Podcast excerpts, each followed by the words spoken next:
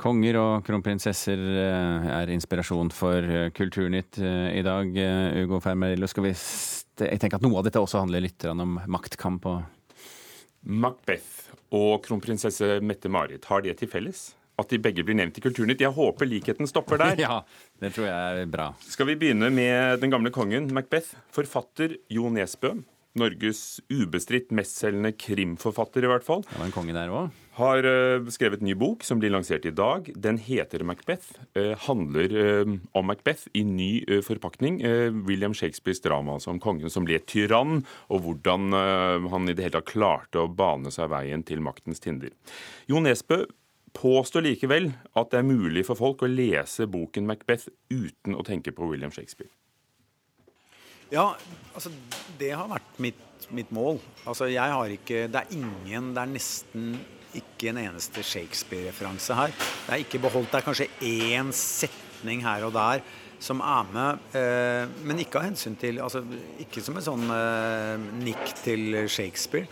Altså, jeg har, tatt, eh, jeg har tatt denne fortellingen og sett på denne fortellingen som om det er skrevet av en navnløs person. av hvem som helst, Bare sett på selve fortellingen, og det er eneste fokus eh, jeg har hatt. Som sagt, brukt det som, eh, som en synopsis. Eh, og respektløst brukt det jeg har lyst til å bruke, og som jeg syns er interessant. Og hvis det skal, skulle være noe der som, som ikke er interessant, så, så forkaster jeg det. Men nå skal det sies at uh, jeg fant ut etter arbeidet her at det var ikke så mye Det var, det var egentlig ikke så mye å forkaste der. Altså, det er, dette er veldig ja, altså, Selvfølgelig. Dette er veldig sterke og bra saker. Hva, hva kan William Shakespeare lære deg som krim, uh, krimforfatter? Eh, veldig mye. Han har vel sannsynligvis Uten at jeg har vært klar over det, så har han sannsynligvis lært meg utrolig mye. Altså Hvis vi ser på Altså Vi står på skuldrene til giganter, som igjen står på skuldrene til alle andre giganter. Altså Hvis vi ser på en film som Scarface, f.eks., så er jo det, altså, det er jo uh, Macbeth uh, fra ende til annen. Uh, hvis du ser på TV-serien Breaking Bad, det er Macbeth-historien. Så det er klart at vi kan si at vi er inspirert av Breaking Bad, men at vi ikke veit noen ting om William Shakespeare. Men der, der har du altså forbindelsen. Sille Biermanns intervju med Jo Nesbø går jo langt lenger og dypere enn det vi hørte her, og det kan vi høre i Åpen bok i P2 klokken 14, eller etter det på NRK Radio. Litteraturkritiker her i NRK, Leif Ekle. Har Jo Nesbø rett? Er den befridd for referanser til Macbeth? Trenger vi ikke vite noe om Shakespeare? Eh, det spørsmålet må svares på i to omganger. Eh, det ene er det siste, eh, om vi trenger å ha lest Shakespeare fra utbytte av denne boka. Det er jeg nok enig i. Vi kan lese den uten å ha gjort det, og ha utbytte av, den som en thriller. Det, det, kan vi nok. Da er det en snublestein der, riktignok, som har med, med hvordan Macbeth skifter fra Altså Macbeth skifter fra å være en trofast uh, tjener, en helt, en virkelig politimester Duncans tjener. Uh, og til å bli morder, der går det veldig fort, og det holder ikke psykologisk vann. slik er det for så vidt hos Shakespeare også, men, men det er et, et, helt annet stykke. Sånn at I, i thrillersammenhengen vil vi ikke godta det. Men ellers så er det jo ikke sånn at det ikke er Shakespeare-referanser. De er det mange av. Han har lagt seg tett opp til Shakespeare, og det er mange direkte referanser. Hva slags bok er det blitt, og hvor langt vil du gå i å kunne røpe handlingen uten å ødelegge for oss? Ja, man kan jo I og for seg så kan man lese Shakespeares Macbeth, og det har jo mange gjort, eller sett på teater, og, og flytte handlingen over til 1970-tallets uh, et eller annet Storbritannia og Skottland, det mørke, dystre 70-tallet, der arbeidsledigheten går opp, forurensningen er forferdelig. og Kullstøvet farger regnet svart i Skottland, eh, og en politimester eh, har kommet til en by der en forrige politimester var diktator og gjennomkorrupt. Eh, og, og så kan man flytte det over sånn, og da Ja, det er det er det, det handler om. En, en, korrupsjonshistorie som handler om, som hos Shakespeare, menneskets styrker og svakheter, aller mest de siste hvor svake vi kan være når maktsyken griper oss. Eh, frykten for hevn, paranoiaen, jakten på makt osv. Shakespeares original er eh, blant de kortere skuespillene hans, men Jo Nesbø er en mann av, mann av mange ord. Ja, For mange? Si. Ja, eh, jeg mener jo det. Altså, det. det. er egentlig den eneste innvendingen jeg har mot denne boken. det er at den er altfor lang. Den er 574 sider. og Eh, Sammenligna med utgangspunktet, som jo er veldig kort eh, og fyndig, så, så, blir det for mye. Han broderer veldig ut, og særlig mot slutten. Og det blir eh, Ja, det blir Han dveler for mye, men ellers er det godt. For hvis det er den eneste innvendingen, la oss snakke om, om det som er eh, så bra, da, med alt det andre. Mm.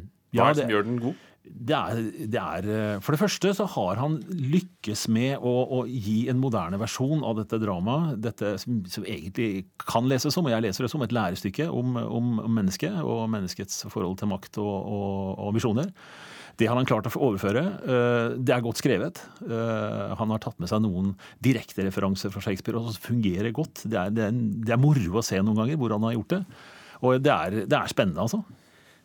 Boken Macbeth har jo en ganske pussig tilblivelseshistorie. Den ble bestilt av britiske Hogarth Press, som er en del av Penguin-konsernet for tiden, eh, som spurte åtte forfattere om de kunne skrive hver sin versjon av et valgfritt Shakespeare-stykke. Mm. Gir det noe å ha denne rammen rundt det?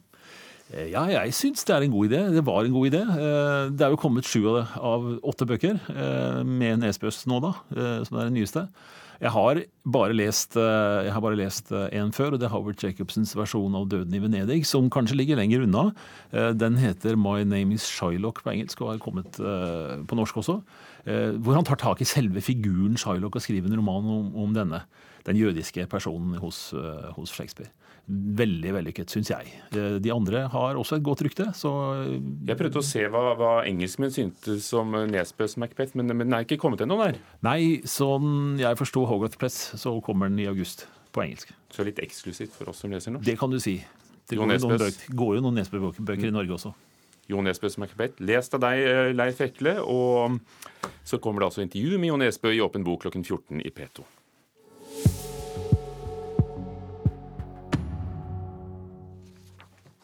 Det er en stor dag for litteraturen, ikke minst i Tyskland og i byen Leipzig. Der åpner Bokmessen. Og fra Norge kommer 13 forfattere som skal møte sine tyske letere og lesere, og og kronprinsesse Mette-Marit. Litteraturmedarbeider Knut Hoem, du befinner deg allerede i Leipzig. Hvorfor er det så mange norske forfattere der også? Jo, det er historisk mange, kan man kanskje si. Dette er jo et stoppested på veien eh, til bokmessen i Frankfurt neste år, der eh, Norge er såkalt eh, gjesteland.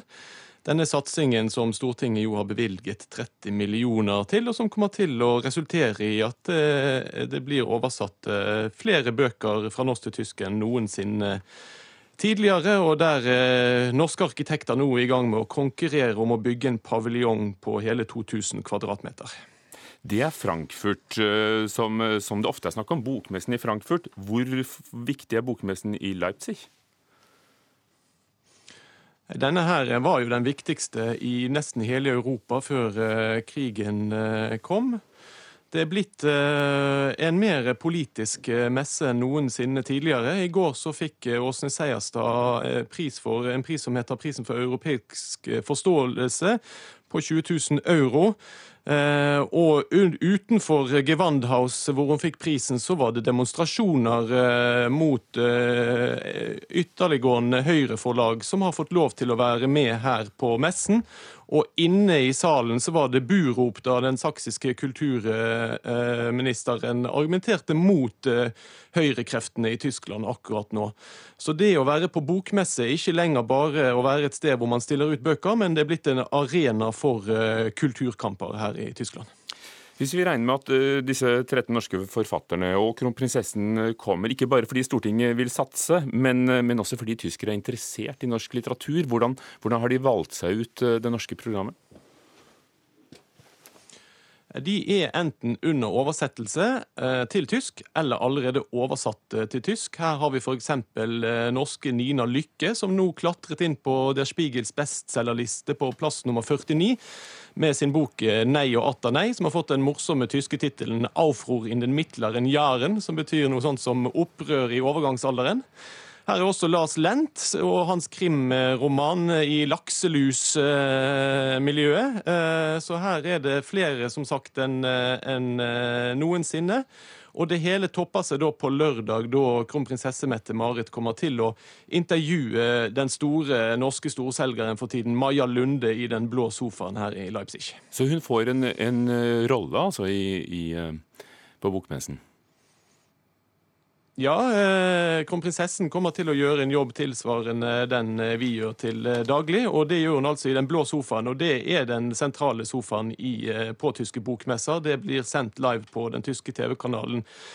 ZDF, og på pressekonferansen i går så var også kronprinsessen helt oppe i overskriften når bokmessen presenterte programmet sammen med Romania, som er gjesteland her i år, og som eh, fører til at, eh, at rumensk litteratur blir synliggjort eh, på en helt spesiell måte, slik den norske litteraturen blir neste år. Mm.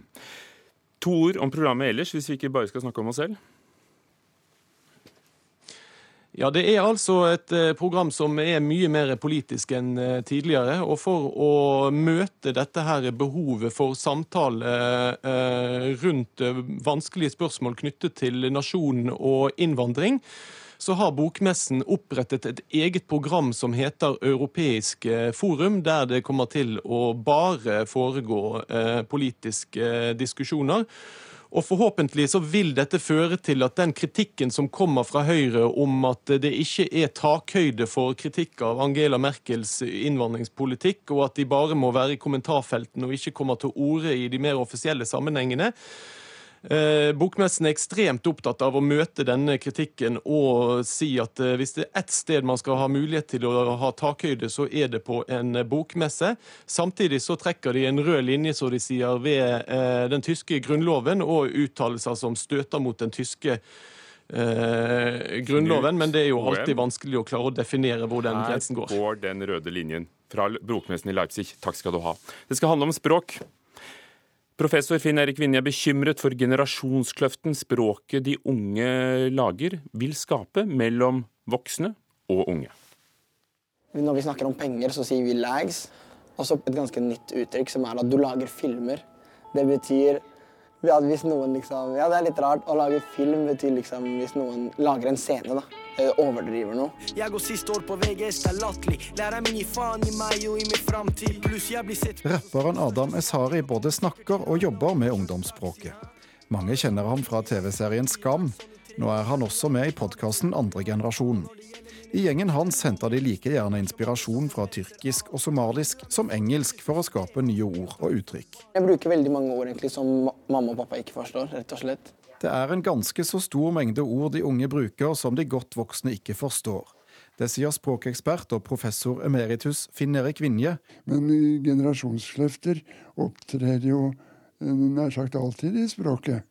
Når når hvis jeg går omkring og snakker om turnsko og formiddagsmat og kortbukser og slikt, så er det karakteristisk for min generasjon. Slenger blir fort utslitt, og så kommer det nye til. Og det er ikke sånn at de påvirker språket verken positivt eller negativt. Altså, De er en del av ordforrådet vårt den tida de er inne, og så, og så er de ofte veldig kortliva. Åse Vetås er direktør i Språkrådet. Forskning fra Høgskolen i Østfold viser at det er en myte at ungdommene snakker lite korrekt. De lager sitt eget språk for å skape gruppeidentitet, og gir gjerne gamle ord ny mening. Adam Esari kan berolige med at hverdagsmålet i gjengen ikke er det han bruker i alle situasjoner. For eksempel, jeg ville ikke gått på et jobbintervju og begynt å snakke kebabnorsk. Liksom. Man vil jo virke måte, oppegående og hyggelig, og hvis han ikke forstår hva jeg sier, så, så, er, ikke, så er ikke det så lurt. Jeg vet det er press, og de vet det er press, men de sier det er ikke noe press. Adam Esari som selv synger. Reporter Thomas Alvesten Ove og Caroline Tolvsen hadde laget denne reportasjen. Hva er du mest spent på den neste halvtimen, Hugo? Hva ordet Equinor betyr og er. Ja, det nye navnet til eh, Statoil. Er det det Mest det er? sannsynlig. Vi får en eh, professor og ekspert i markedsføring og markedsbygging fra Norges handelshøyskole i studio. Jeg tenker i hvert fall ikke på olje. Kanskje etter eh, neste halvtime her i Nyhetsmorgen.